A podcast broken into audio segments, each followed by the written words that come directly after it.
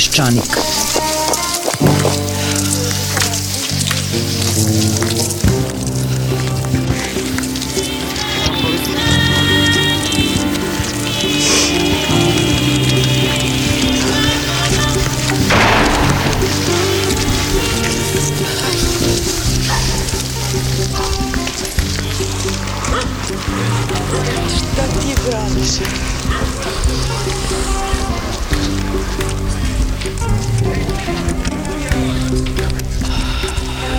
Peščanik.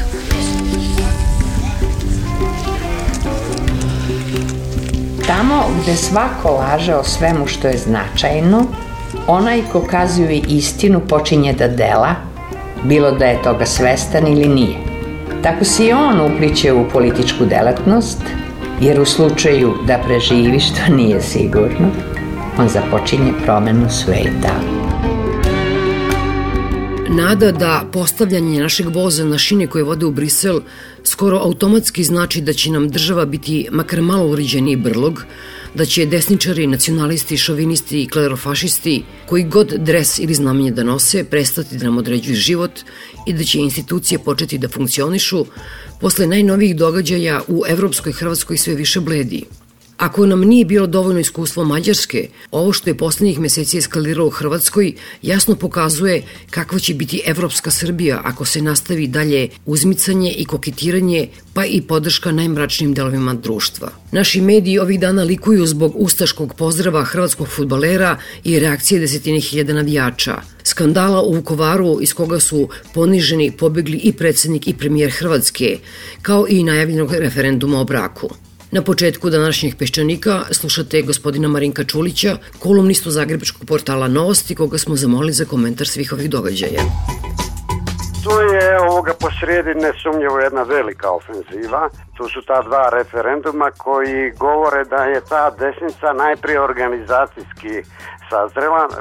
Osjeća se jedna isto tako u tehničkom smislu ovoga evolucija da napredak a to je da oni više ne koriste golu silu, kao što smo gledali prije deset i više godina na Splitskoj rivi, nego su to nekakve sada inicijative koje bi zapravo kroz institucije sistema htjele kompromitirati postojeće vlastodržce, dakle oni koji upravljaju tim sistemom. Tako da su ovi incidenti u Vukovaru čini mi se samo refleks toga.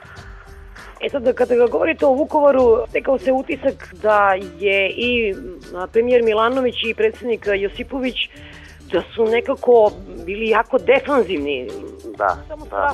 se otprilike rastužili malo na tim događajima. Pa nekako ja čak imam dojam da su oni ovoga jedva dočekali da se to dogodi, da taj incident okrenu protiv desnice, evo vidite kako je ona nasilna, kako ona brutalna, ovo ono, ali je doista, se ne može promijeniti dojam da je njih nadigrala desnica u Vukovaru jer su oni tamo došli potpuno nepripremljeni. Ne mogu dva prva čovjeka državne vlasti ići u Vukovar sa diametralno suprotnim stavom što se u Vukovaru zapravo zbiva. Po Milanoviću zbiva se pobuna, doduše to je rekao tek nakon što se dogodilo što se dogodilo i da bi se eventualno moglo razgovarati sa tim pobunjenicima, a Josipović da je to potpuno jedna legitimna inicijativa i da se s njima mora pregovarati. Dakle, takvim e, različitim, čak i diametralno suprotnim stavovima ne možete otići ne, jedan tako ozbiljan ispit i očekivati da ćete ga položiti. Sad su oni na pragu drugog referenduma, ovaj prvi referendum o definiciji braka je meni malo ovako bez veze, moram reći, time se ništa zapravo ne definira. Naravno da on ima svoje repere, zna se što to znači, to je jedan konzervativan stav, učvrstiti branike braka, ovo ono.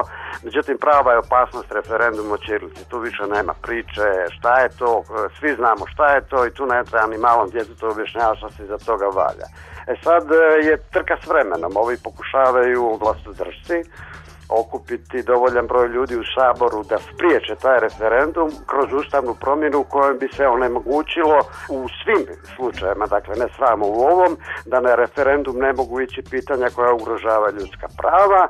E sad je pitanje, oni su već počeli skupljati potpise. Pitanje je da li se to retroaktivno može primijeniti ili ne može. Otvara se više pitanja i opet će biti prilične halabuke, zašto je opet kriva vladajuća koalicija, jer ona tu ustavnu promjenu mogla napraviti još prije godine ili čak i dvije dana.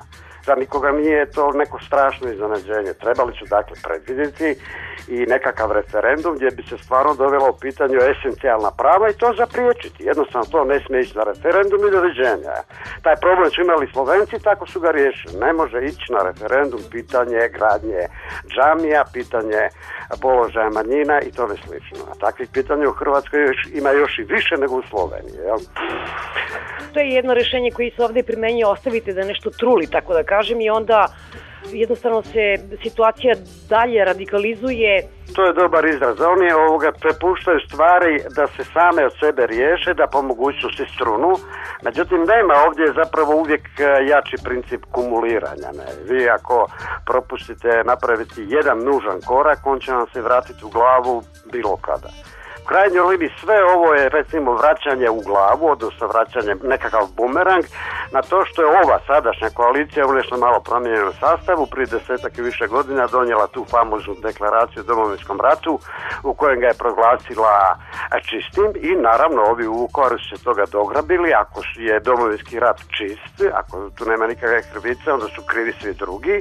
I onda se to logički nadodaje, a ako su ovi krivi mi možemo s njima šta hoćemo, možemo i ukinuti pismo, možemo im ukinuti aboliciju, što također jedna od ideja, možemo ih u krajnjoj liniji kolektivno iseliti. Ne? Možemo tražiti drugu voluju, što se na rubovima tog stožera doista sada i traži. Ja bih vas molila da se vratimo samo na kratko na ovaj referendum o braku. Koliko smatrate da je to odraz te ajde da kažem, klerikalizacije ili radikalizacije u hrvatskom društvu? Ta klerikalizacija je zapravo uvijek bila prisutna kao što je ostano bilo prisutno otvoreno ili latentno i ovo ustaštvo. Tako da tu isto ovoga vidim e, zapravo jednu inertnost e, ove lijevo-liberalne koalicije koja e, je imala pred sobom neke znakove što će se dogoditi i na njih nije reagirala. Tuđman isto ima vrlo ovoga, bliske odnose sa crkvom i sa radikalnom proustaškom desnicom. On je njih držao na uzdi i instrumentalizirao za ove izorne ciljeve koji su naravno bili, ne treba se opisivati, katastrofalni, ali on ipak e, to na neki način kontrolirao. Sada se događa obrada HDZ više zapravo nema svoju neku političku agendu, nego je posuđuje od crkve i od radikalne desnice i u toliko stvari postaje nepredvidive. Nama se sad pojavljuju u političkom životu neki neki ljudi sa radikalne desnice, koji međutim sad postaje nekakav faktor. Oni u vrijeme Tuđmana su bili zapravo skoro ridikulozni, ali e, neovisno tom dojmu svakako su bili na, na lanču, na, na špagi Tuđmana. Oni su sad se odvezali jer HDZ nije naprosto ne, ne izgubio taj svoj kapacitet vođenja desnice i sad je to zapravo više on vođen taj HDZ od desnice i od crkve nego obratno. Dakle, matrica se promijenila odnosu na Tuđmanovo vrijeme povodom ovog e, događanja na futbolskoj utakmici. Šimunić. Jeste. Naravno, uvek ima takvih, pogotovo futbalera. Da li mislite da se zadovoljni reakcijama, ja sam čitala nekih vrlo dobrih tekstova, čini mi se, ali kako je uopšte javnost reaguje, kako biste mogli da nam kažete? A to je to latentno ustaštvo koje je svima nama na ovom prostoru lekcija. Kad jednom pustiš e, fašizam na javnu scenu, pa neće se on sam povući.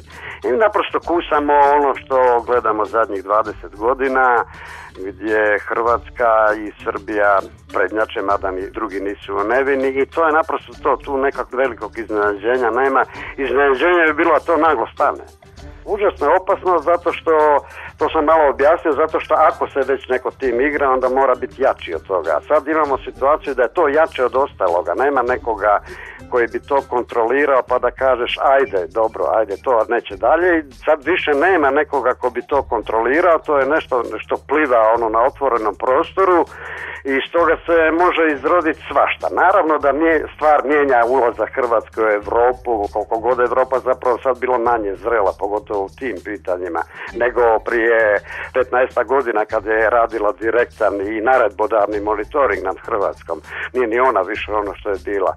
Ali ajde recimo okruženje se nešto promijenilo, hoću reći da ne očekujem da bi sad moglo biti iz toga nekakvog eh, velikog nereda, nekakvog nasilja, ovog onog, ali velim da se to može povući samo sebi u dogledno vrijeme, to ne vjerujem. To je vrlo slično kao u Srbiji i onda e, kada dođe desnica na vlast moliš Boga dakle da ona pokreće neke patriotske i kvazi patriotske teme gdje je jača od ljevice i to smo doista vidjeli u kod Sanadera, vidimo i kod Nikolića, ali malo je to utjeha jer smo mi zapravo onda na neki način e, taoci njihovih igara, dakle krug se zatvara i sad smo vidjeli za Sanadera dolazi Karamarko koji je strava i užas. I s desna se može nešto korisno napraviti za društvo, ali ovo što radi apsolutno nema veze s nikakvom korisnošću. Jel? Dakle, taoci smo te desnice, to je nažalost očito trajnije stanje. Jel? Dolazimo do ovog pitanja odnose između Srbije i Hrvatske Da li se zaista hrvatska politička javnost uzda da bi nešto moglo da se dogodi sa ovim tužbama za genocid? To je jedna napaljena i u biti izmišljena tema. Mislim da genocida realno nije bilo. Bio je strašan rat i iza toga od tog e, rata raditi nešto još strašnije je gotovo perverzno i ne znam kako ljudi ne vide da to je najobična trgovina. Kad e, se govori o povlačenju tih tužbi pa se spomenju uvjeti, to je upravo smiješno. Ne? A genocid je nešto što se ne može nikakvim uvjetima povući ako je doista postoja. Teško će izaći oni iz toga, jer vidim i ovi lijevi, oni su ranije, ovi ovdje u Hrvatskoj, oni su ranije ono kao davali neke znakove da bi to trebalo povući, mislim stvarno da bi trebalo, ali sad i oni zapravo vrte onu istu priču kao i HDZ ranije. To su zapravo ljudi koji su ušli u zamku vlastitih rodoljubnih i pseudorodoljubnih igara i to je naprosto tako. U nastavku Pešanika slušate teatrologa i profesora Fakulteta dramskih umetnosti Ivana Medenicu.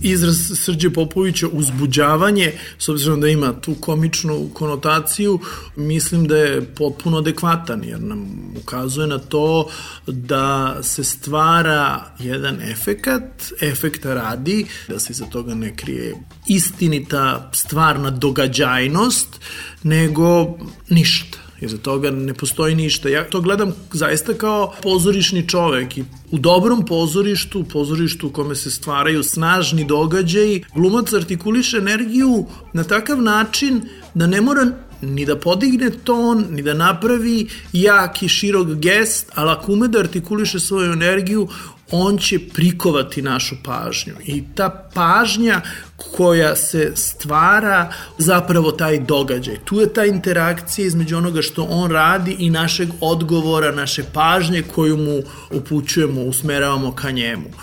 S druge strane, imam toliko predstava u kojima se peva, skače, viče, a dosadno nam je posle pet minuta smo se iskopčali, ne možemo to više da pratimo, jer tu nikakvog događaja zapravo nema, tu nikakve radnje nema, tu se ništa ne dešava. E pa to je meni neka slika neki rengenski snimak onoga što se trenutno u Srbiji dešava. Stalno se uzbuđavamo, a zapravo se ništa ne događa. Nikakvog stvarnog događaja nema u tom uzbuđavanju. Naravno, u prvom redu se koriste mediji, mediji stvaraju te razne opsene. Ja sam pre neki dan uh, u taksiju mi dopao do ruku jedan od tih tabloida i to je zaista ovaj, smešno. Pregledaš malo te strane i tačno vidiš ko je šta naručio. Ti tabloidi funkcionišu zaista kao neki oglasi. Neko reklamira neku svoju političku robu. I kada govorimo o Vučiću i o onome zašto se on zalaže ili bar se deklariše u javnosti da se zalaže, tu se ta borba sa korupcijom, borba protiv organizovanog kriminala je izdvaja kao jedan od ključnih momenata to je još uvek u fazi uzbuđavanja. Dakle, nikakvih tu rezultata nije bilo. Mene to potpuno ostavlja indiferentnim. Ni sva ta hapšenja, pa oslobađanja, sve je to još na nivou uh, jedne fešte. Jedina suštinska stvar jeste ovo što se dešava na Kosovu i celokupna njihova politika spram Kosova. To jesu konkretne realne stvari, tu su oni napravili jedan rez u odnosu na prethodnu vladu, ali opet kako bih rekao, to ne može da se ospori, to jesu bitne stvari, ali to je ono što smo hiljadu puta govorili, to je preduslov za preduslovov preduslov. Da bismo mi uopšte ušli u mogućnost da sa Evropskom unijom o bilo čemu razgovaramo i pregovaramo. I možemo da mislimo da zaista će Srbi neko dozvoliti da igra te dvostruke, trostruke, petostruke igre. To je čisto šibicarenje koje možda može u lokalu da prođe, ali nigde izvan granica ove zemlje i ovog sluđenog naroda naroda koji u te šibicarenje može da poveruje i veruje, to naravno ne prolazi. Ovo, ovo je čista divna zavesa e, koja ova vlast zapravo nasleđuje od prethodne vlasti. Prethodna vlast nam je govorila o četiri stuba spoljne politike, što to je bila jedna tolika arogantna besmislica, ali što je najgore, nešto su oni to nama prodavali da nas sluđuju, nego izgleda da su i sami u to poverali, bar Boris Tadić. Ove, stiče se utisak da je on nekako jadan u tu marketinšku budalaštinu poverovao. E sad, ovi koji sve što je radila prethodna vlast osuđuju, odbacuju, relativizuju, na neki način i u, i u pogledu te spoljne politike zadržavaju istru matricu. Da, oni su napravili ozbiljne proboje u o, politici prema Kosovu, prihvatili su realnost, ali još uvek ovaj, evo imali smo ovu Rusi dolaze, ovu najazdu Rusa u poslednje vreme, ali još uvek se pravi taj neki balans sa Rusijom. Nas Evropska unija sada pušta, jer to nije agenda u agendi trenutno na redu, završite Kosovo, pa ćemo da vidimo. Možda dođete na red. A onog trenutka kad dođu energetski sporazumi na red, gas i takve stvari, ako Srbija ima neke povlašćene odnose sa Rusijom, pa naravno da to Evropska unija neće dozvoliti. Prva Nemačka to neće nikako dozvoliti. Bilo bi recimo zanimljivo vidjeti, mene to interesuje, pod kojim uslovima i kako su recimo neke članice Evropske unije napravile taj sporazum sa Rusijom oko tog južnog toka. Sigurno Bugarska nije mogla da napravi neki aranžman koji je na štetu Evropske unije. Tako da nam se prodaje ta magla da mi možemo da imamo dva ravnopravna partnera u međunarodnoj politici, možemo dok god smo u ovoj situaciji da nismo nigde zapravo, u ovoj situaciji da cupkamo u mestu. Jedno vreme smo govorili, eto moraju da se stvaraju nezavisne institucije, kontrolna regulatorna tela, podela vlasti. Pa onda kada je to počelo da se stvara, onda smo govorili, ali to mora da dobije neki sadržaj, da dobije neki smisao, ne može se obstruirati. Međutim, meni se čini nekako da, pogotovo sa ovom vladom, mada je naznake dobre dao tome i Tadić pre svega, sa tim pretvaranjem jednog e, vrsta sistema u drugi predsjednički sistem, ali sada je nekako to potpuno oguljeno Niko više ne govori o institucijama, više ne znam koje, koje institucije. Ono što je u prošlom peščaniku potencirala Vesna Pešić, to su zaista sad ti potpuno lični odnosi, gde ljudi da. govori isključivo u prvom licu, ako imamo sreće, ako ne, onda govore o sebi u trećem licu. Nemoj ništa da me pitaš ni mi ni do čega, nisam spavao noćas. Tako da samo kažem, iz onog perioda kad smo se nervirali što nema institucija, pa što su prazne, pa što ne rade dobro, odjednom odustali kao da to je potpuno nevažno. To je apsolutno tačno. Zamisli se taj problem na dva nivoa, da tako kažemo, ogleda. Jedno je taj, kažemo, nivo interpretacije. To je to kako političari nastupaju u javnosti. To je to neko patetično prizivanje sažaljenja zbog toga koliko oni rade. Ja kažem, mislim, ta uloga koju Vučić igra bi se ovako kritičarski mogla definisati kao kič. Promišljen kič, ali davno nisam video jednu političku ulogu koja je do te mere kičasto napravljena sa tom patetikom, sa tim izazivanjem sažaljenja širokih narodnih masa zbog toga što on sedi zabrinut nad sudbinom i ne spava i tako dalje. Ne vidim decu, ali tu ulogu nekako Vučić uzeo za sebe. E sad kad drugi počinju da uzimaju te uloge, kad te neki drugi Vučići se formiraju, pojavljuju, ako opet gledam pozorišta, to tada ispada groteskno njemu se donekli još i može poverovati u tu ulogu. Recimo kad ovaj nesretni ministar Mrkić koji nema nikakvu harizmu, on je čovjek operisan od autentičnosti. Kad takav čovek krene tim Vučićevim marketinškim putem pa kaže ubijte me, ali ja nemam ambasadora, to delo je groteskno. Mislim, prvo ti nisi taj glumac i nemaš tu ulogu, to je uzeo šef za sebe, ti da misliš neku drugu, a s druge strane je to skandalozna izjava. Mislim, ti priznaješ da nemaš kadar, pa što ga nisi sformirao? Pa ako nemaš s kim da radiš i nemaš da radiš, podnesi ostavku, kaže, izvinite ljudi, ja sam pogrešio u proceni, ja nemam s kim da radim, masovno su povlačili sve ambasadore. E sad jedan put nemaju koga tu da postoje. Pa ako niste imali s kim da radite, što ste ove ljude povlačili? Onda će onda kaže, pa znate, ali oni su bili toliko katastrofalni ambasadori da su nam bolji otpravnici poslova koje trebaju. Pa čekajte, ako su nam toliko bili katastrofalni ambasadori, to je dosta ozbiljna stvar. Jer možemo mi kao građani da znamo šta su ti naši ambasadori koje ste vi pod hitno sve sklonili radili, jer su radili protiv interesa države, su špionirali za strani faktori, jer su se opijali, pravili skandale. O čemu se radi? Mislim da vi tako on gro čitavu jednu garnituru ambasadora, kažete bolje i da ih nije bilo, to je dosta ozbiljna optužba, pritom uopšte ne ide u stil tog čoveka koji je ko čovečija ribica, od jedan put on kreće sa tim jednim Vučićevskim teatralno kičerstim nastupom koji u sebi sadrži užasno ozbiljne optužbe. I nikom ništa, to tako proće. Ko što mu je prošla ona genijalna ideja o kom niko nije govorio da će on sad kao ključnu stvar za našu diplomatiju da obnavlja bez bezbednostnu, tu neku špijunsku mrežu. Dobro, diplomati se uvek bave i time, ali sada nam je potrebna i treća, pored civilne bezbednosti, vojne bezbednosti, još i diplomatska bezbednost u ovoj zemlji u kojoj svako treći radi za tajne službe, Pritom je to elaborirao time da smo mi kao Jugoslavija kad smo imali tu obaveštojnu diplomatsku službu neke stvari mogli da a, saznajemo. Pre velikih obaveštajnih svetskih službi smo mi mogli da saznamo o nekom vojnom puču koji se sprema u nekoj prijateljskoj nesvrstanoj zemlji Pa prvo, tad smo bili mnogo zbiljnija zemlja i imali smo neki geostrateški značaj. Sada nismo nikakav, ni regionalni, a kamoli međunarodni faktor, pa šta mene briga da ova država plaća neke nove bezbednjake diplomatske koji će šta da se brave proračunom, da li će u Gvatemali da se desi vojni puč, kakav je to interes ove zemlje. Znači, ću da kažem, eto na primjeru te, te diplomatije smo videli da s jedne strane ima ta neka kao manipulacija s time, bože, koliko je meni teško. Zamislite ministra koji kaže, ubijte me, ali ja nemam koga. Pa mislim, za to zaista, ovo je naravno humor i duhovitost, nikome to ne želim i tako dalje, ali onako, kafanska reakcija zezatorska, ubi se, pa šta me briga, pa ubi se, mislim, ako nemaš nikog boljeg. Ali vraćam se sad na tvoje pitanje koje je bilo, mislim, personalizacija funkcije, odnosno to neko prisvajanje funkcije i svođenje na lično, a urušavanje institucija. Evo sad recimo imamo ovaj najnoviji slučaj, meni posebno blizak sa Nacionalnim savetom za kulturu. Tu ima respektabilnog sveta.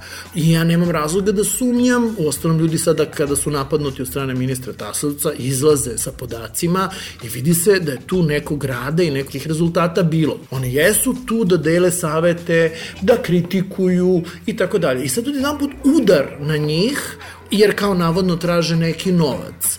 Pa dobro, to jeste neki posao kao i svaki drugi posao, ali tu je ostalo jedan uvreženi utisak u javnosti da su ta sva savetodavna tela, da su to neki paraziti. Kao što i prema samoj, ako hoćemo, instituciji parlamenta, postoji jedno vrlo veliko nepoverenje. Postoji ozbiljna tvrdnja da je urušavanje ugleda parlamenta jedna, kako bih rekao, sinhronizovana politička akcija, jer nikad vi nećete imati takvu kritiku izvršne vlasti kao što imate kritiku parlamenta i onih tela koje parlament uspostavlja. Ali zato izvršna vlast, to nešto što se poistovećuje sa gazdom, sa tim nekim pater familijasom koji plače, krši ruke i će da se ubije jer ne može da nađe rešenje, e to je nešto što je vlast. Ovo je sve višak. Sve deluje višak, sam parlament se svata kao višak, a da ne govorimo o drugim tim regulatornim telima, odborima i tako dalje i tako dalje. I onda dobijete jednog ministra kao što je Tasovac koji kaže zapravo treba vas ukinuti. I naravno onda će se koristiti uvek ta demagoška sredstva koja pale kod naroda, vi ste džabolebaroši koji trošite pare. A kakvi su džabolebaroši u izvršnoj vlasti? Vrhunac tog gazdinskog patriarhalnog doživlja izvršne vlasti jeste ta identifikacija sa ličnošću. To su kao tipovi u komediji dell'arte. Onda imate te različite varijetete tipove. Jedan je zabrinuti starac, drugi je seljak, veseljak, voli da popije, pa nekad i da zapeva, opsuje, ali mu je dobra duša, pa se posle izvini, pa nam je to opet simpatično. Mislim da je to mehanizam. Mi svi živimo tako zatvoreni u nekim svojim kapsulama, u nekim svojim mikrokosmosima, da se čovek zapravo ga neka građanska samosvest, savest tera da se oglašava. Zaista se čovjek dovede u situaciju da se tera da se oglašava na neke opšte teme, jer zaista ne može, nije stvar u tome sad da se vi nešto plašite, nego ne znate ni koji problem da targetirate, više ni ne znate šta je taj događaj u kome se priča, o, o čemu mi to pričamo. I zato mislim da neki ljudi koji shvataju taj opšti simulakrum biraju da žive u tim svojim nekim potpuno fragmentarizovanim, fragmentarizovanim svetovima. To zaista deluje kao neki Rim pred prvom najezdom Varvara, znači neki početak dekadencije ili ono, neki ovi stripovi posle katastrofa nuklearnih, gde zapravo imate tako neko kvartovsko okupljanje ili još u nekim manjim celinama, a javnog prostora zapravo više ni nema. Nema tog, te agore, nema tog foruma, nema nekog konteksta gde će zajednica donositi odluke demokratskim putem u opštem interesu takav način pojmanja, ja mislim da mlađim generacijama to čak i kad im govorite to, hajdemo kolektivnim snagama debatovati o temama od opšteg interesa zarad boljitka društva, da gledaju kao ludog. Kad to vi delujete, to vi, vi delujete kao neki starac koji ne razume moderno vreme. E sad mislim, ja nemam problem, pošto sam relativno mlad, ove da im kažem, nije stvar u tome, nego ste vi jedna potpuno dekadentna generacija, ne svojom krivicom, apsolutno nisu krivi, ali ja sam jedan malo pre rekao studentima, vi ste rođeni u krizi, to su generacije rođene početkom 90-ih, vi živite u krizi i vi ni ne znate ni za šta drugo osim za krizu deca krize. I normalno da su bar te mlade generacije napravile te svoje neke, pogotovo što im nove tehnologije to dozvoljavaju, te neke svoje izolovane svetove. A javni prostor, glavne ulice grada su prepuštene nekim ljudima koji zaista ne znate da li će da vas prebiju zbog toga što nosite šal vezan na način na koji nosi 99% studenta u Parizu ili Berlinu. To nije sad ono više nemoj ići u predgrađe jer tamo žive opasni momci, kao što je po velikim gradovima. Ovde ne, nemoj dolaziti u centar jer se tu šetaju opasni momci. I sad to nasilje, recimo, niko se ne bavi ozbiljnim sociološko-psihološkom analizom stepena, vrste nasilja, koje je tog patološkog nasilja, to konstantnih tih nekih izjava o ovaj, nasilju u porodici, ko koga ubio maljem, ali to je potpuno normalna stvar, niko neće da kaže ono, care go, Mi smo produkovali kao društvo nasilje i izvozili ga u region, u ratovima jednim, drugim i trećim, ali taj duh izašao iz boce i on se ne može zato što je neko odoneo odluku preko noći, jer to su psihološko-socijalni procesi koji mnogo dugo traju, to je kao zračenje uranijuma, to traje godinama, decenijama i ne znam ti nija koliko Potom, ne može se taj duh u boci zbog toga što je neko rešio da potpiše briselski sporazum da nestane. Sve i da pomislimo da taj neko hoće da duh se vrati u bocu. Možda ni neće, možda im to ni nije u vizuri. Ali sve i da hoće da se duh vrati u bocu, to ne može preko noći da se uradi. To mora se uradi sistemski sa, kako se zove, e, ozbiljnim političkim odlukama. Ali te ozbiljne političke odluke zaista podrazumevaju poštovanje nekih demokratskih standarda, nekih demokratskih demokratskih vrednosti, slobode, svakog čoveka, prava, ljudskih, manjinskih, svega ostalog, zašto ja ne vidim to su samo imena koja sa reči koje se ovde izbacuju, ali ne vidi se stvarna volja da se u ovom društvu za te vrednosti bori, tako da imamo zaista tu jednu šizofrenu situaciju. Morala bi da počne temeljna razgradnja podzemnih korena baza ovoga društva ti koreni mislim da se nisu bitno još od Titovog vremena promenili do dan danas. A to su te razne službe koje zapravo ovde ucenjuju ljude, manipulišu ljudima, stvaraju paravojne strukture, navijačke strukture i tako dalje, sve te neke udarne odrede za nasilno delovanje i stvaranje haosa. Znači, dok se god sa tim stvarima ne raščisti, ja ne vidim kako može vladavina prava da se uvede. Tako da to je jedan začarani krug jednog jako trulog društva. Ja i dalje imam svoje razloge zašto sam ovde, ja i dalje imam profesionalnu satisfakciju, imam prijatelje, na nekom individualnom planu čovek nalazi razlog što ovde živi, ali da se baš zavarava da ovo društvo ima šanse da se upristoji, ja to ne vidim. Mislim, s druge strane, hm, evo sad malo sebi da skačem usta, ali upravo zbog toga što je to naše društvo do te mere nestrukturisano, do te mere je u haosu. Ovaj, nije baš da se ljudi ne bune. Mislim da je to pozitivno, možda smo to o tome čak i nekad govorili u Peščaniku. Prvi put sad imate neku vrstu esnavskog organizovanja. Ja evo gledam u kulturi šta se dešava, pa tu je bilo jako puno nasrtaja. Ova vlast e, i prethodna vlast je bila vrlo nemarna kada je kultura u pitanju i više od toga, naročito ono što je Đilas radio u kulturi, ali onda se desilo ovo sa Petkovićem, ministrom Petkovićem koji je tek bio potpuni revival 90-ih, kad su kadrovska rešenja u pitanju, kao da tim naprednjacima iz kulture niko nije rekao da više nisu radikali, izgleda da njih to još uvek niko nije obavestio. Ali na sve se to reagovalo. Mislim, Petković jeste zapravo smenjen pod uticajem, jedini ministar koji je smenjen pod uticajem javnosti. Ja ne verujem da je bilo pritisaka da se smeni Alisa Marić. Nisam čitao to. Kulturnjaci se dosta bune. Onda im je rečeno, evo vam vaš, sad ćemo da vas utišamo, učutkamo, jer ćemo vam dati vašeg po nekom jeli konsenzusu, vrlo uspešnog menadžera u kulturi kakav je Ivan Tasovac, pa mislim što neko reče taj medeni mesec sa Ivanom Tasovcem je zaista bio mesec i prošao je i sada ponovo videli smo na slučaju ovoga sukoba oko nacionalnog odbora za kulturu, opet se tu neka homogenizacija dešava. To je ono malo, mislim, u jednom opštem haosu, ja stalno se vraćam na ono Karadžorđevo, svako svoga ubite subašu.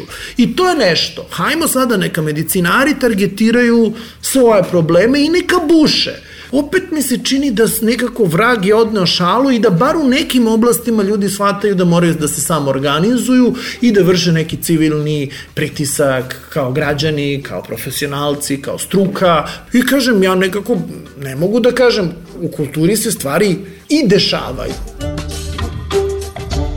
jedna od omiljenih drama koju baš ovih dana treba da predajem studentima, možda već za nedelju dana.